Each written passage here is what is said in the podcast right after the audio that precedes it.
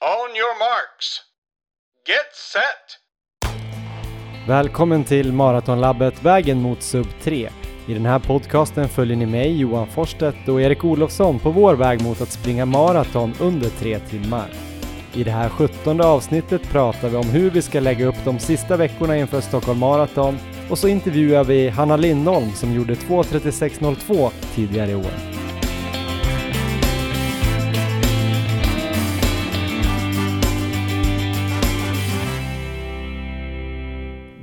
Morgon, god morgon Erik! God morgon!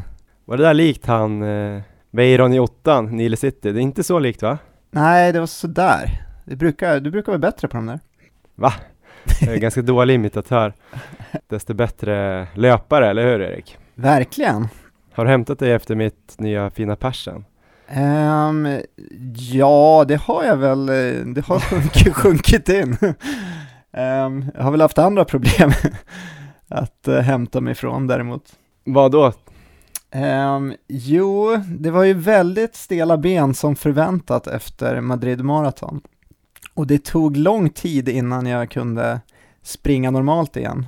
Ja, det har alltså gått eh, tio dagar nu sedan eh, Madrid maraton och halvmaraton. Maraton som Erik sprang, 3.04.45. Jag sprang halvmaraton på 1.22.54. Jag kan ju säga att mina ben har inte riktigt eh, stått och känna igen. De har varit eh, slitna, speciellt fram och baksida lår skulle jag säga. Ja. Eh, har känts när jag varit ute och sprungit att de ganska snabbt har blivit, eh, de har dragit ihop sig nästan lite grann. Inte som att de blev stumma men de blev, känns så korta och ja, jag vet inte. Så jag kan ju tänka mig hur det har känts för dig, men kan inte du berätta lite? Tio dagar efter ett maraton, i princip maxnivå, ja. maxprestation. Hur har det känts? Du hade nog förhoppningar om att kunna träna ganska bra den här veckan i alla fall. Har det, hur går det? Um, jag började med två dagars vila helt och sen så när jag kom tillbaka till Sverige så provade jag bara för att se hur det kändes. Det var tre dagar efter. Och då tog jag mig tre kilometer på um, ja, riktiga så här cementben så att det var det var mm. bara, ja, det här går inte. Så att, eh, dagen efter så sprang jag en mil väldigt lugnt och då kändes det lite bättre men det var fortfarande väldigt stelt. Och sen så satt det i, jag var ute nästan varje dag och sprungit men bara sprungit lätt. Ja. Och eh, jag skulle säga att först igår, och då var vi väl om det var nio dagar efter, så var det första dagen som jag liksom kände att nu är jag tillbaka igen, nu känns benen pigga. Mm. Och eh, mesta känslan är borta. Så så länge tog det, nio dagar för mig. Men vad körde du igår då? Igår så körde jag ett pass, jag hade tänkt köra ett, eh, lite som vi pratade med, med Per om nere i Madrid, att försöka få in de här passen när man låg i kanske 20-25 kilometer i, eh, ja, i maratonfart eller lite under. Så ett sånt, sånt pass hade jag tänkt mig, men så hade jag också tänkt att jag ska inte köra så mycket på klockan nu, utan jag ska bara försöka hitta någon, något tempo och hålla det. Och det slutade lite med att jag öppnade för hårt. Jag hade tänkt ligga ungefär kanske i 4.10 till 4.15, men jag öppnade väl de första 4-5 kilometerna där, för jag var, det var så kul att springa, springa igen på riktigt. Så jag låg väl på kanske någonstans mellan 4.00 och 4.05. Och det där fick jag väl betala för lite på slutet, så att eh, de 20 kilometerna fick bli 15 kilometer istället, för jag var ganska sliten på slutet. Men jag tror jag snittade 4.08 på de där 15 kilometerna och det var det var, ganska, det var ett skönt pass. Hårt men um, skönt. Och sen får jag väl till nästa liknande pass uh, sänka tempot lite grann och uh, då ska vi hålla oss, eller kunna köra lite längre. Ja men det var ju bra ändå. Nu gjorde du lite grann som du skulle göra i Madrid, att du uh, körde i ditt tänkta marafart tills du gick in i väggen. Nu har du alltså 15 kilometer. Nu har du fyra, fyra och en halv vecka på dig att få upp det till 42,2. Ja, men jag får ta lite, några kilometer i veckan så ska det, ska det gå. men dina ben då? För jag har känt så här att jag är sjukt osugen till exempel på, om jag bara läser i ett träningsschema att man borde kanske köra 8 gånger 1000 i tröskel eller 10 gånger 1000 i tröskel eller något sånt där. Ja. Så känner jag bara att det nästan gör ont i benen att tänka på att eh, springa så här lite fort. Det känns som benen ska ramla av på något sätt fortfarande. Eller inte ja. ramla av, men jag är inte sugen på att springa fort. Men du kände att det försvann typ igår? Igår försvann det, innan har jag känt precis samma sak. Men jag tänkte på det igår, att när jag var ute och sprang så benen kändes starka. Det var, det var inte det som var problemet, utan det var mer um, hög puls och trötthetskänsla. Så att, eh, ja, benen, ja det känns bra i benen måste jag säga. För mig har det varit precis tvärtom nästan skulle jag säga. Jag sprang ju också, jag sprang, jag vilade väl två dagar från löpning och var ute och cyklade lite grann och stretchade och sen var jag väl på gymmet men då körde jag mest liksom lite överkropp och bål och sådär. Ja.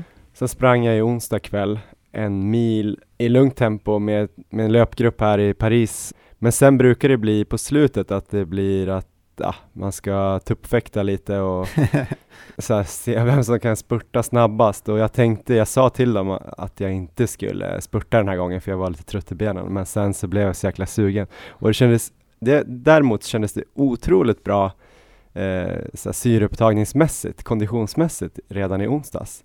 Ja. Det var liksom som att jag inte kände någonting från höfterna uppåt. Däremot höfterna neråt var ju så, här så att benen höll på, det kändes som att varenda muskel skulle gå av typ. Men så har det fortsatt och känts lite grann. Jag sprang eh, fredags en eh, kortare runda, typ 10 kilometer. Sen har jag faktiskt sprungit nu.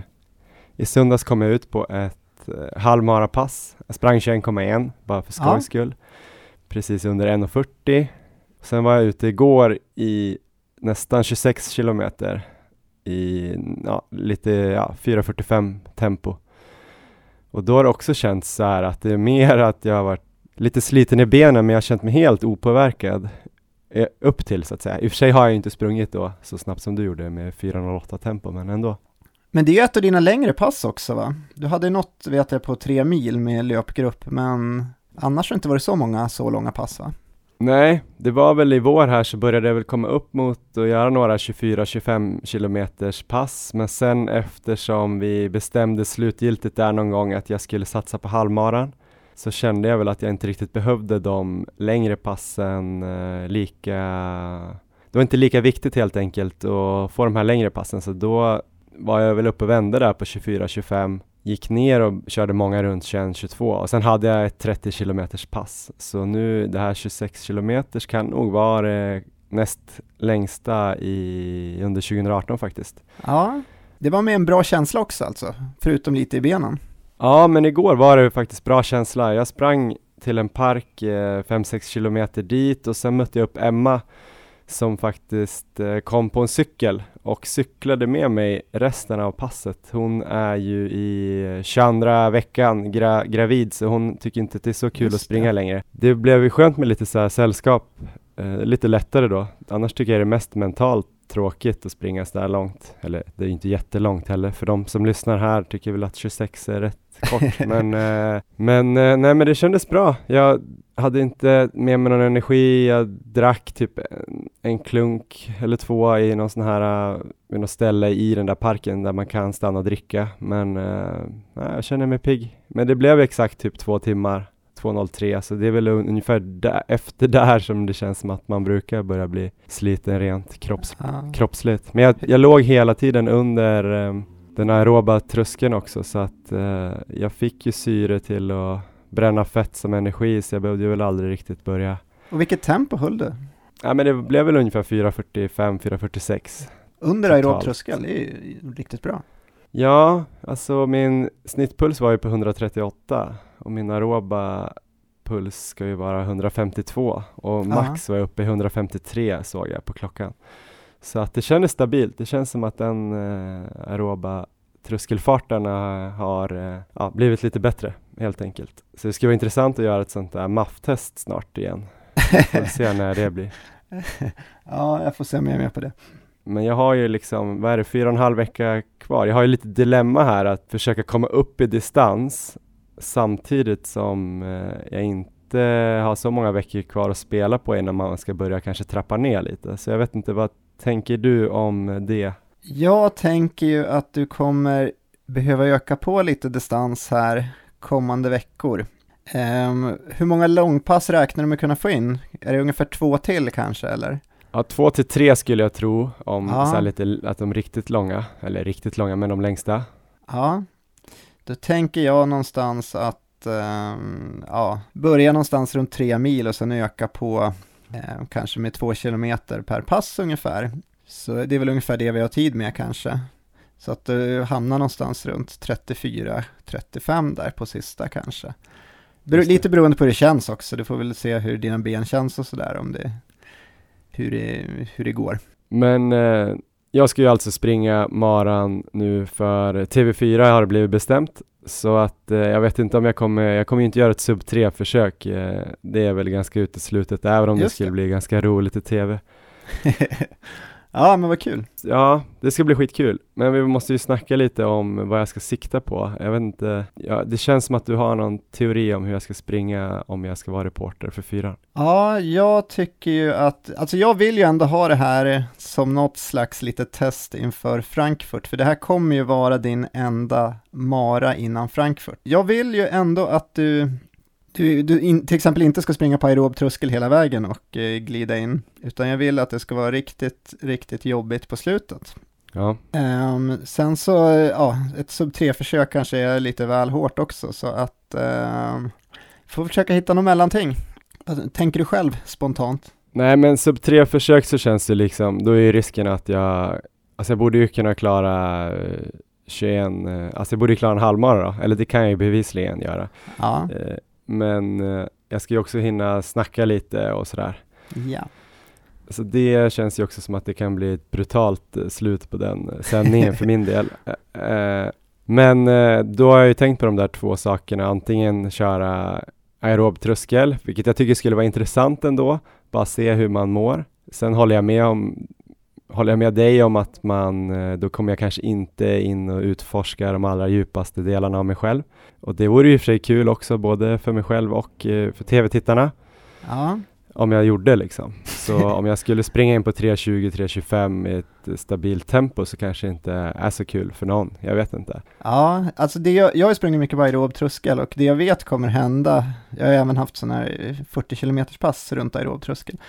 Och Ja. det som kommer hända är ju att den sista milen där så kommer du, du kommer få springa mycket, mycket långsammare. Och du kommer känna, det kommer inte kännas som att, det är, att du typ har något tempo alls egentligen.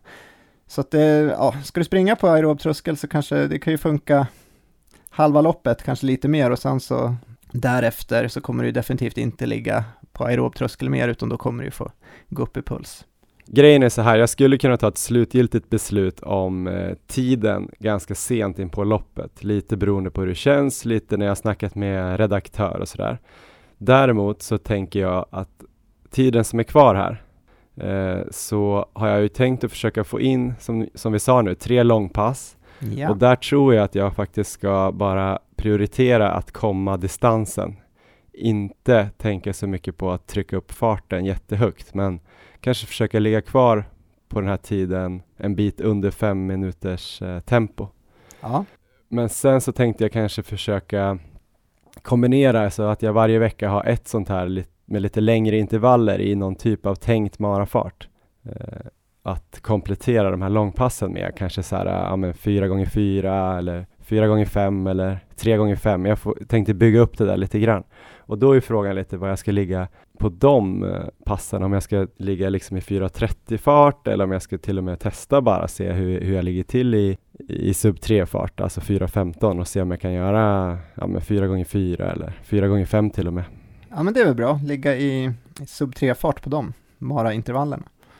Ja, då gör jag det och sen så tar jag helt enkelt ett beslut innan där vilken tid jag ska köra på, på maran. Ja, spännande. Men själv då Erik, eh, hur har du tänkt? Du har ju liksom varit och kört en eh, närmaste maxprestation, kanske inte, kanske 98 procent av max, vad vet jag? Jag trodde det var 98% fram till jag såg de här bilderna du la upp från slutet av maraton. Och där insåg jag väl att jag, ja det var nog 100% ändå. Ja, det var roligt med de där bilderna, för både på dig och mig så fanns det bilder ungefär på samma delar av eh, banan, där vi såg helt oberörda ut. Ja, Men så kunde man se typ nästa bild eh, från ungefär samma liksom, kilometer där vi såg ut som att vi liksom låg i botten av eh, och bara grävde. Men ja, kanske att sanningen låg någonstans mitt emellan de två, men jag tog såklart de roligaste bilderna. ja det var bra. Nej, men du var ju nere där och körde 3.04.45 måste ju ändå sägas vara, var ett pers med 6-7 minuter så det är ändå en maxprestation på så sätt och sen Aha. nu bara sex, sex veckor mellan eh, Madrid och Stockholm. Nu har det gått tio dagar, du har precis börjat träna liksom. Hur tänker du få till en formtopp till här nu? Kommer du liksom ligga lågt och, och vila och hoppas att det där var en riktigt bra genrep och sen bara konservera formen eller kommer du trycka på ordentligt? Ja, det är inte min grej riktigt att ligga så här lågt. Fast det vart lite så inför Madrid, för där var det lite så här sjukdomar som tog bort något långpass, plus att jag i min formtoppning följde ett upplägg som var väldigt lugnt de sista två veckorna. Och jag känner att jag kommer köra på hårdare den här gången, så att jag kommer, ehm, jag kommer definitivt träna på riktigt hårt nu, om det är, jag har väl den här veckan plus två veckor till, där jag kommer ha med ett långpass i veckan, så att jag kommer nog hinna med tre långpass till räknar jag med. Ja. Ehm, och då eh, med ganska hårda avslutningar är väl planen. För eh, lyssnarna då som också sitter och funderar på hur de ska lägga upp sista veckorna här, hur, hur långa pass kommer det vara och hur hårda avslutningar och sådär och när kommer avslutningarna bli hårda? Ja, det kommer väl variera lite grann, men eh, ett exempel skulle ju kunna vara att springa 25 kilometer lite lugnare och sen så mm, öka på sista, sista 10. Då Mm. skulle vi nå 35 kilometer, så det är ju ett bra pass till exempel. Ehm, jag tror inte att jag kommer köra några 40 kilometers pass, några av de här tre passen, eh, utan istället sänka kilometerna några så att jag kanske ligger runt 35, kanske lite mer och eh, däremot eh, se till att verkligen få in eh, maratontempo på slutet i passen. Om det nu sen är fartlek eller om det är 10 kilometer i marafart kommer väl variera lite beroende på känslan. Men så tänker jag med långpassen. Eh, sen så kommer jag dessutom få in ett sånt här pass i veckan som vi pratade lite om här, att eh, ligga lite under maratonfart och kanske ligga någonstans runt 20-25 kilometer. Så mer ett, eh, någon slags tempopass. Och förhoppningsvis kunna få in ett tredje kvalitetspass också om det sen är eh, meters intervaller eller vad det kan vara och däremellan så ha lugna pass. Så att det, min plan är att köra hårt här i tre veckor och sen så släppa upp det lite de sista två veckorna. Eh, sen så får jag väl se här hur kroppen känns och hur benen känns och sådär om jag eh, har återhämtat mig efter förra maran. För det är det som är lite oroväckande också. Det är lite, lite tid känner jag mellan Madrid och Stockholm. Mm. Men eh, jag, jag tror att det är det här upplägget jag vill köra, att försöka köra hårt nu, för jag tyckte jag kom in i Madrid med lite så här för lugna veckor sista veckorna inför. Jag vet Mm. inte om det påverkade resultatet något, men eh, jag vill prova, prova ett lite hårdare upplägg den här gången. Ja, men det är väl eh, viktigast att du får göra det du vill. Det är ju det som Maratonlabbet också går ut lite grann på, att eh, du ska laborera lite med, med, med din träning också. Och jag har en till sak som jag kommer laborera med också, Mhm. och det är energiintaget. Jag, mitt, eh, mitt försök att köra godis istället för gels blev väl ett eh, litet fiasko här känner jag. Även om jag inte Mm. gick in i väggen så var det Mm. Det var inget som jag kommer köra igen. Så jag har beställt nu, ehm, vad tror jag har beställt? Ah, Generation You Can, eller vad hette det? Stämmer, så att det kommer jag få, få hem här någon av dagarna. Så att under de här lag, långpassen som jag kommer lägga in nu, så kommer jag börja laborera med det och se hur det fungerar. Och planen är att sen att köra, köra det i Stockholm. Jag tror du får eh, påminna lyssnarna om vad Gener- Generation You Can var för någonting, eller är för någonting. Ja, Generation U Can är en, består av en produkt som kallas för Superstars och det är upphettad modifierad majsstärkelse.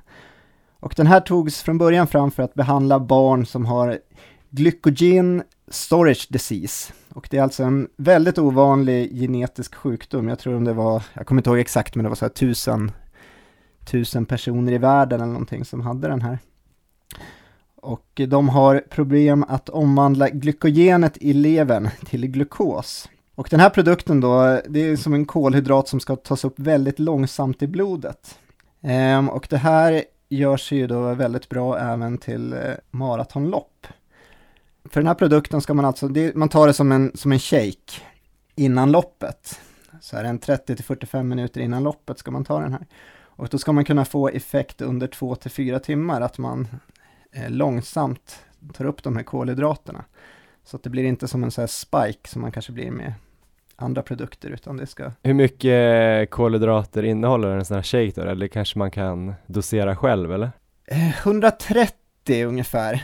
Så att eh, det finns två metoder att ta det här. Antingen så kan man ta ehm, en dos innan loppet som ska stå sig ett tag och då, då kan man sedan ha med sig, man kan göra om den här också, istället för att göra en shake så kan man blanda den lite så här, blanda den till en gel. Man tar i lite vatten bara så att det blir som en, som en gel ungefär som man kan ta med. Så det finns som två upplägg egentligen som jag, som jag har förstått att antingen så tar man en dos innan och sen så tar man två gäller av den här UCAN under loppet. Mhm.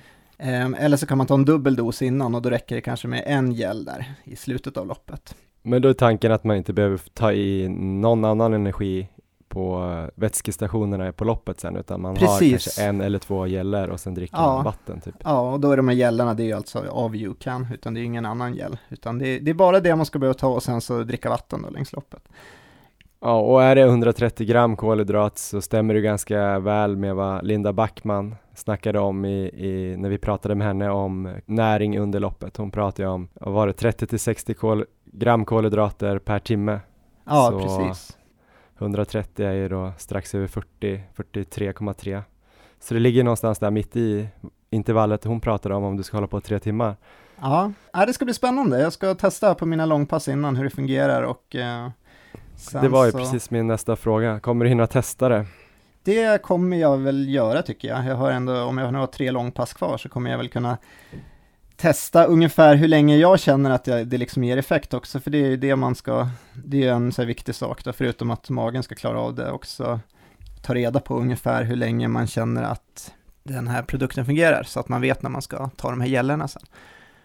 Har du fått sponsor nu förresten? I wish. Nej, det är, det är, eh, jag bara, ja, jag bara säger det i alla fall. Det är bara information. Vi är inte sponsrade av Generation UCAN eller rödbetsjuice eller rakhyvlar eller någonting faktiskt.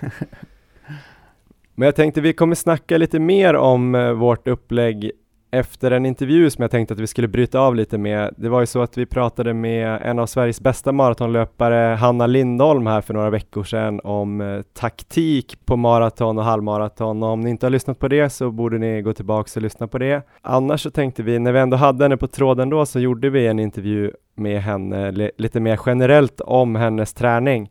Och hon gjorde ju 2.36 eh, i Dubai tidigt i år och eh, kvalade in till EM. Och sen gjorde hon 1.14 på halvmaraton i Prag. Då när hon gjorde de här tiderna var hon, hade hon årsbästa på båda distanserna men nu har Charlotta Fogberg slagit halvmaratiden och Isabella Andersson slog alldeles nyligen eh, maratontiden. Men eh, Hanna Lindholm är ju fortfarande väldigt het inför EM i Berlin i augusti. Eh, Så vi pratade lite grann om hur hon skulle ladda om från sin tävlingsvår här och få en ny formtopp i augusti. Så det var ett ganska intressant samtal som ni kan lyssna på här. On your marks. Get set. Du har ju alltså redan slagit pers med drygt två minuter på både maraton och halvmaraton i år. Ehm, hur ser du på resten av säsongen? Då? Blir det EM som är det stora målet i maraton? Eh, ja, men det är det absolut. Det är ju det jag siktar på. Så nu kommer jag bara köra lite millopp på 10 000 meter bana och 5 000 meter bana härnäst. Ja. Och eh, sen eh, ja, i slutet av maj så då börjar jag nog eh, förbereda för, liksom, för maratonloppet. Då börjar liksom första träningsperioden. Och det loppet är i andra veckan i augusti, va? EM?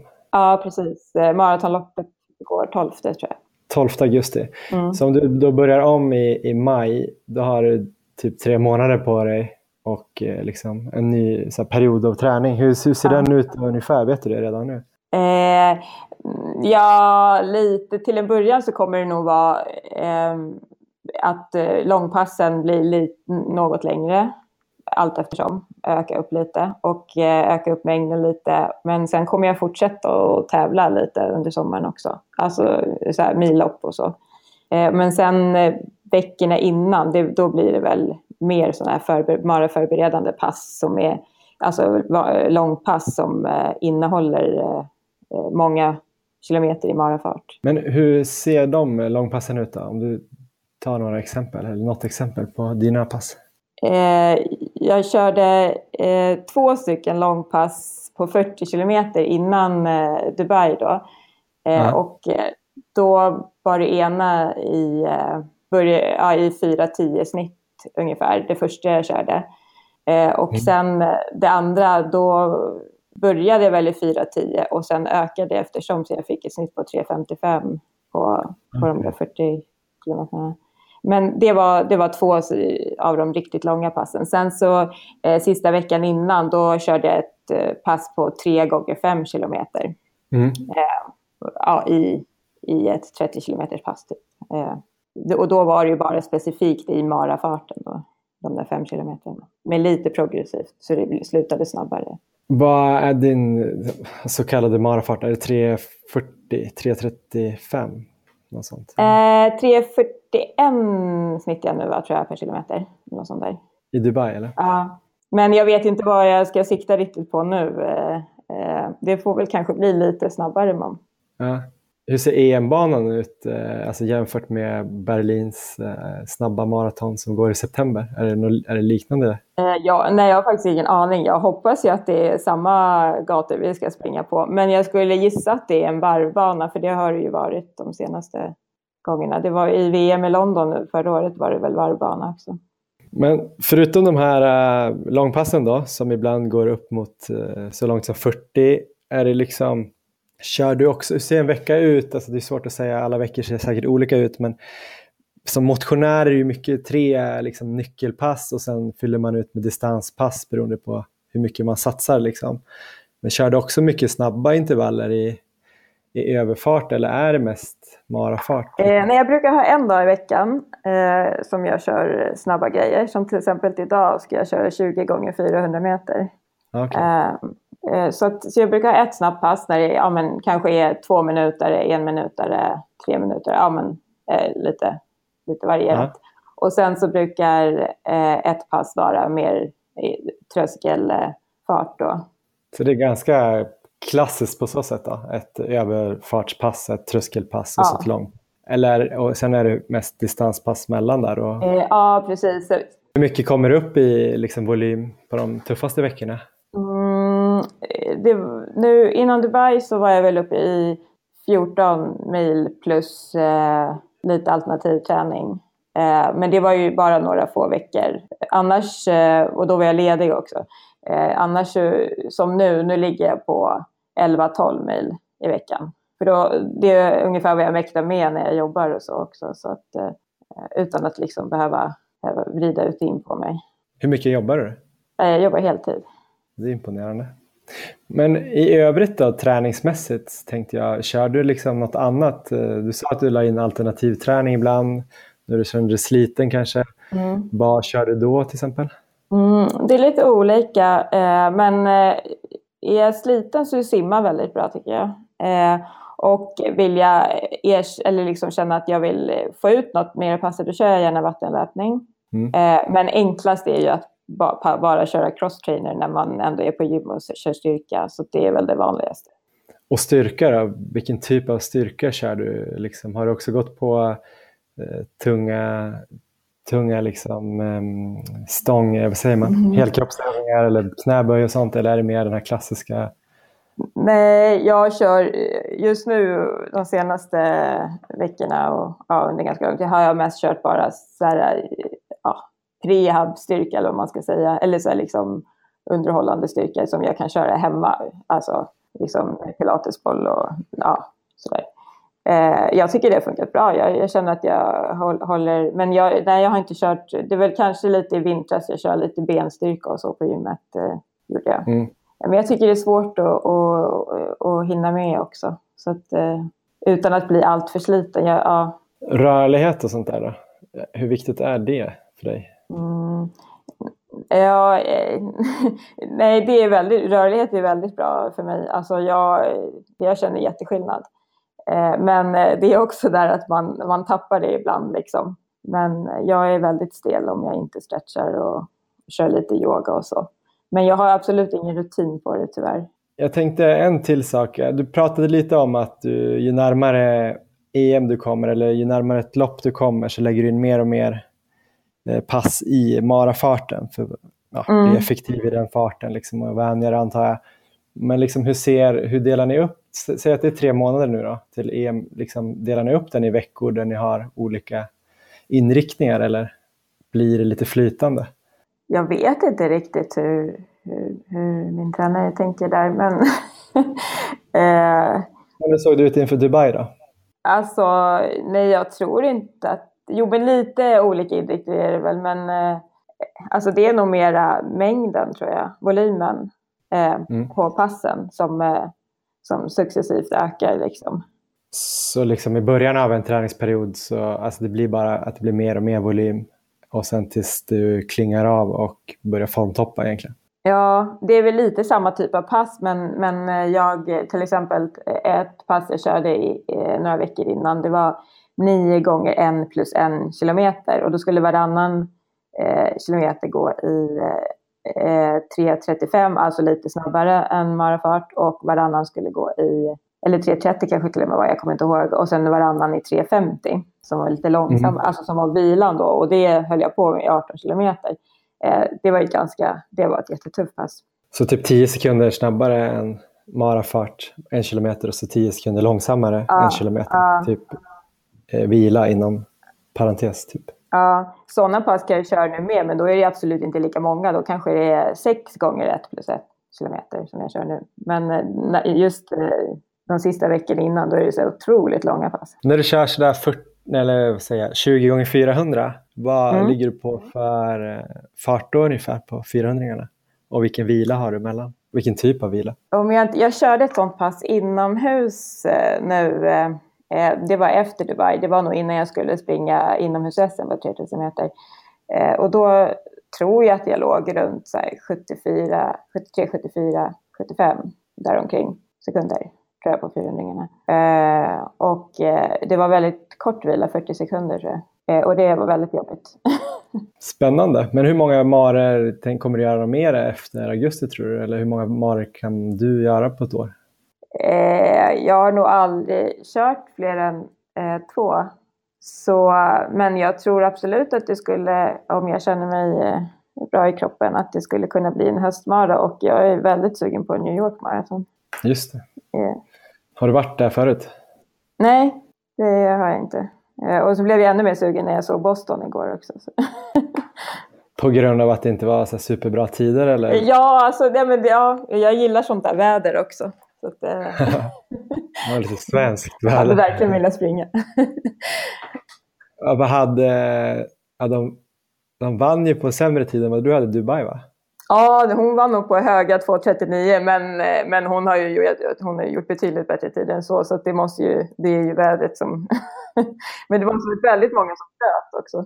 Ja, men man börjar ju drömma ändå om man ser sådana tider. Jag tänker tvåan hade väl 2.45 eller? Ja, hon, precis. hon lät ju som hon hade lite samma, ja, jag vet inte exakt hur din bakgrund ser ut, men du kom väl lite från ingenstans för typ tio år sedan. Sådär. Hon Ja. verkade heller inte vara speciellt. Ja, jo, du är jag, jag läste också det. Hon var heltidsarbetande sjuksköterska. Ja, Det var lite lite samma Mm. läge på något sätt. Ja, vad bra. Då hoppas vi på bra plats i EM först i Berlin och sen topp tre i New York. Ja. Men vad tror du att du kan springa i år då, om du verkligen får till det? Har du någon känsla? Liksom? Ja, jag är alltid så eh, försiktig och ödmjuk och blygsam. Jag är inte sån här som säger bara nej, jag ska springa på 2.30 och så. Eh, Men, eh, men 2.34 är väl inte, o, det är inte omöjligt. Nej? är det inte. Men sen så ska man ju liksom ha den där dagen också när allting stämmer och, och så. Vad skulle din tränare svara om jag frågar honom då?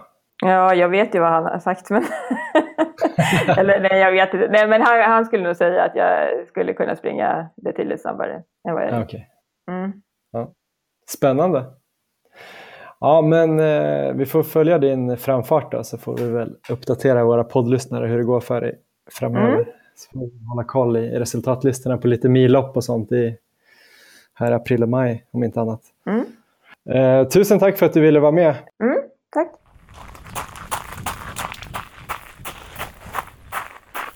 Ja men det där var alltså en intervju med Hanna Lindholm som ju sprang 2.36.02 i Dubai. Imponerande att hon är så bra och ändå har ett fulltidsjobb, eller vad säger du Erik? Ja, verkligen. Jag tycker det är inspirerande att lyssna på de här bästa maratonlöparna här i Sverige. Jag tycker man får mycket, mycket man kan ta med sig själv, även fast de är på en helt annan nivå. Ja, vad tänkte du på något eh, speciellt när du hörde den här intervjun? Um, ja, det var mycket tycker jag, men det var ju någonting som jag provat lite grann, fast inte lika långt om man säger så. Det var ju det här passet hon pratade om på slutet. Jag kallar det själv för jojo-pass. När man mm. kör, när man körde en kilometer under maratonfart och en kilometer över maratonfart. Så att vilan var strax över marafart egentligen. Det där passet körde jag lite i vintras fast då på, med 500 meter istället.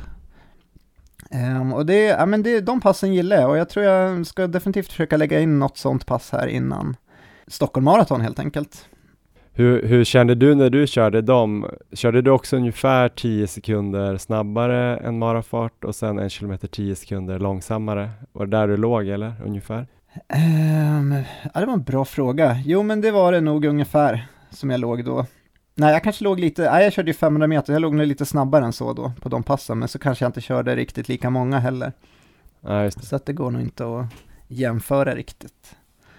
Ja, men det skulle vara kul att testa lite grann vad, om, det, om det känns som vila och springa 4.05 först en kilometer och sen 4.25 om, om vilan då känns av överhuvudtaget det där 4.25. Jag antar att det gör det i början men sen kanske inte när man har kommit upp i efter 14-15 kilometer. Nej, verkligen. Och det lät ju som hon sa det också, att det var ett rejält hårt pass. Men vad tänker du kring just eh, sådana här eh, långpass generellt i marafart? Så här, hur långt tror du att man eh, kan köra dem egentligen? Alltså du snackar om att du skulle göra några i 20-25 kilometer. Vad tror du man gör på träning i marafart? Eh, det är en jättebra fråga. Jag har inte kört de där passen egentligen innan, men det var ju lite inspirerad av våran löpare kompis Per här som är så fantastisk på att springa. Han körde ju mycket sådana och eh, jag vart ju inspirerad av, eh, av honom när vi var nere i Madrid. Så jag ska väl testa lite. Jag kan inte riktigt, riktigt svara på det än, men det är, ja, jag tror väl någonstans runt 25 kilometer ska man väl kunna springa på. Ja men det är ju väldigt intressant för jag kommer ihåg när vi pratade om hur man skulle persa på milen med Kent Claesson så snackade vi om att eh, om man klarade 8 gånger 1000 meter med eh, en minuts eh, vila eh, i sin eh, tänkta milfart, då skulle man antagligen klara milen på den farten sen, om man nu gjorde det här när man var lite nedtränad och sådär. Så perfekta förhållanden och ladd, uppladdad och med tävling så skulle man klara den farten. Det skulle vara kul att veta ungefär Alltså jag fattar att det inte finns något eh, generellt svar för alla löpare, men det vore kul att veta så här att ja, men gör man 32 kilometer i sin tänkta marafart på träning så borde man kunna klara den på maran. Det är en ja. intressant tanke bara, för att ja. jag funderar lite grann om man ska experimentera lite med det där i eh, sommar och höst sen inför min eh, mara i Frankfurt. Nu är det ju för sent för mig att börja hålla på göra så hårda pass tror jag, men eh, det skulle vara kul om man liksom kunde öka det där, typ varannan vecka, så gör man liksom lite längre och längre och längre. Sen är det ju väldigt eh, krävande eh, psykologiskt kan jag tänka mig, eller mentalt. Ja, det är väl eh, problemet med maran är väl just att de testen så att säga, de blir ju för slitsamma tror jag.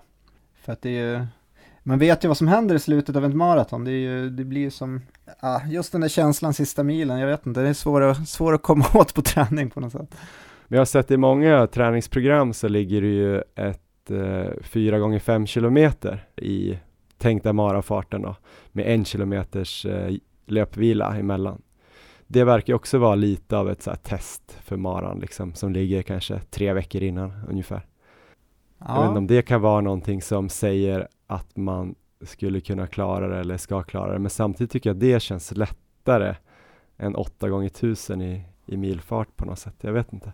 Ja, jo men det gör det nog. Det är nog, kan nog vara en indikation i alla fall.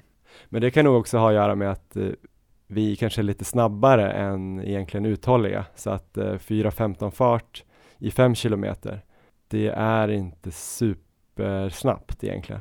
Men det är väl just när det blir så där himla långt som 42 kilometer i rad utan vila som det blir knäckande. Ja, precis. Många av de här elitlöparna, de, alltså det är så imponerande för de kan ju som hålla sitt, eller i alla fall väldigt nära sitt miltempo hela vägen. Det har vi pratat om tidigare. Och eh, alltså för mig skiljer det så oerhört mycket. Mm. Och för mig skiljer det mest.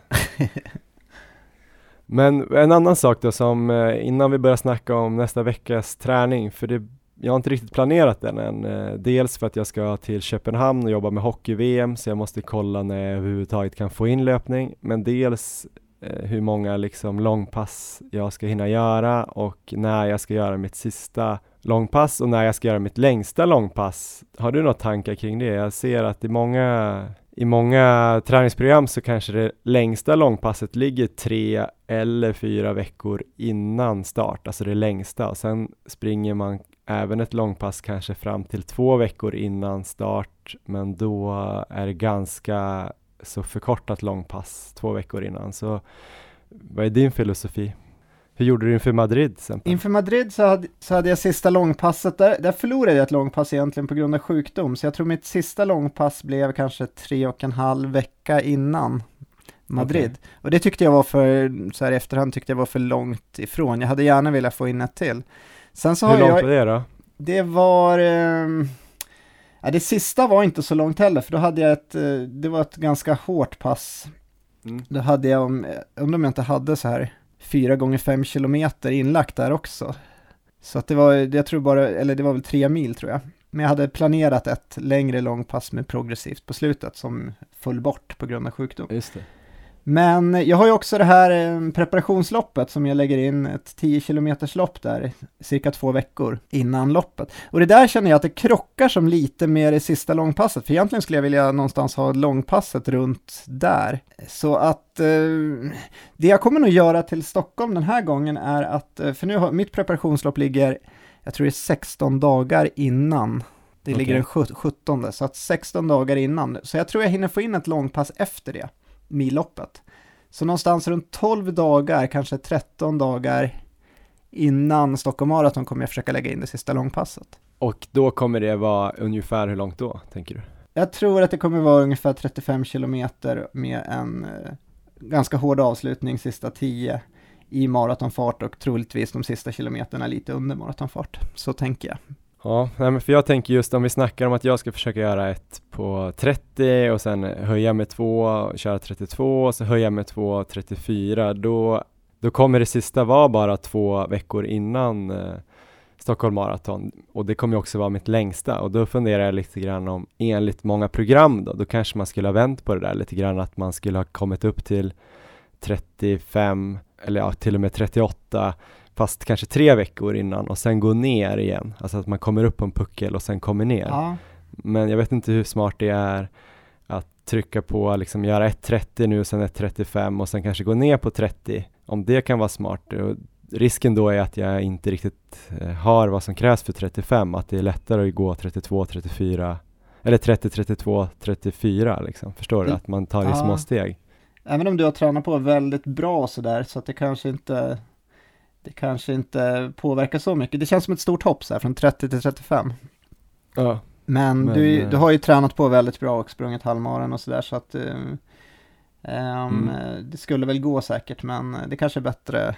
Det blir ju som lite, lite, lite tid för dig känner ja, jag. Nej, det blir för lite tid. Jag googlade faktiskt lite grann inför det här programmet att jag skulle ha någon sån här quick fix för maraton eller how to get ready for a marathon in five weeks.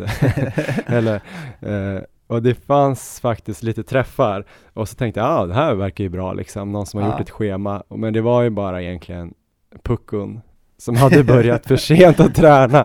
Så alla var bara så här, ja, när det var fyra veckor kvar, då stack jag ut och sprang jag tänkte springa 35, eh, men jag orkade bara 28 så här.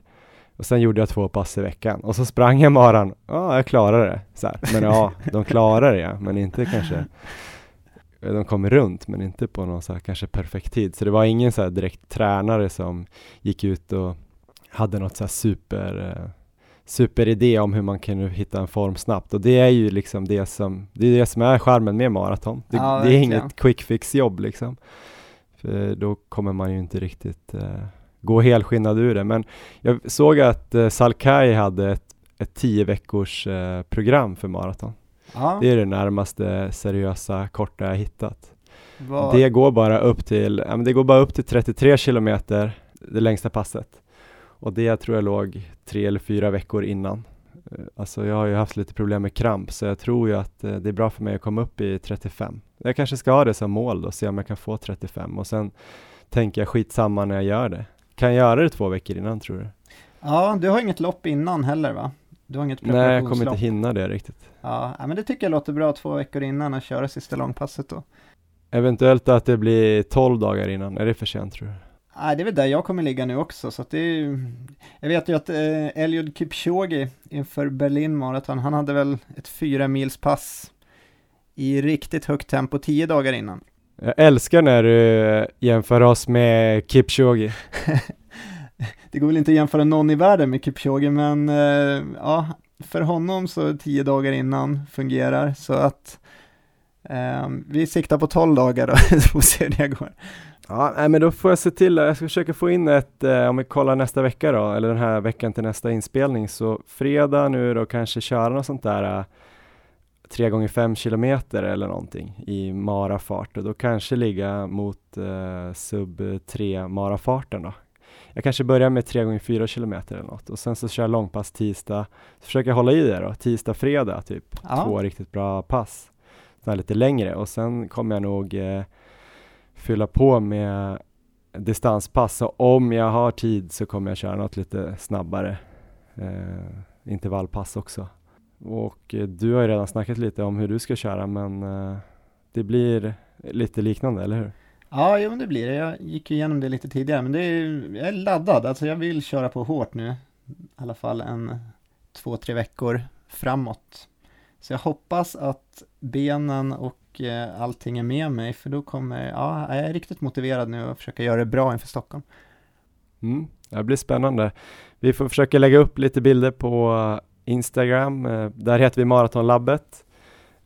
Vi lägger också upp vår träning på Strava. Där heter vi Johan Forstedt och Erik Olofsson. Just nu har jag lite problem med synkningen från min klocka till appen. Den connectar men skickar inte över filen. Så om någon lyssnare har haft problem med det kan ni gärna skriva till mig på uh, våran eh, Instagram eller på våran mailadress som är maratonlabbet gmail.com. Det är alltså en, en Garmin. Den eh, blir transfer failed, skitstörigt. Annars kan ni se mina pass på Strava också. Eh, till sist då Erik, eh, exakt hur säker är du på att du kommer göra sub 3 i Stockholm? um, jag är, eh, ja, jag tror att jag har en eh, bra chans att göra sub 3. Jag tror att jag kommer antingen göra sub 3 eller så kommer jag gå in i väggen och ligga i sjukvårdstältet. Eller jag tror så här att jag kommer ligga i sjukvårdstältet oavsett vad efter loppet. Och sen hoppas jag att jag har gjort sub 3. Och till alla lyssnare, att ligga i sjukvårdstältet är ingenting vi eh, förespråkar. Vi tycker inte att det är coolt eller så. Det är bara Eriks egna slutsats här, att, att det är det som kommer krävas. Stämmer, och du har väl dessutom en bild på det som kommer komma upp så småningom också, hur det kan se ut. Det kan komma en peppande bild om hur det såg ut i fjol när Erik sprang eh, Stockholm Marathon, eller efter han hade sprungit Stockholm Marathon ska man väl säga. Det såg ju inte bra ut. Ja, nej men Erik, efter vi stänger av den här inspelningen så vet jag att du kommer säga att ja, jag är så jäkla säker på att jag kommer göra sub 3 i Stockholm. så du kan ju lika gärna säga det nu. Kom igen, säg det nu. Jag har lärt mig någonting från Madrid, att jag får hålla nere, hålla nere vad jag säger lite, både, både i podden, Erik Olofsson, jag är helt säker att jag kommer springa sub 3. Eller hur pratar du egentligen? Jag kan ju inte imitera. Det är det jag säger, jag är skitdålig på att imitera. Men jag kommer springa sub 3 på Stockholm Marathon. den var bra. Så pratar jag. Ja, tack. Ja, vi hörs! Ja, ha det.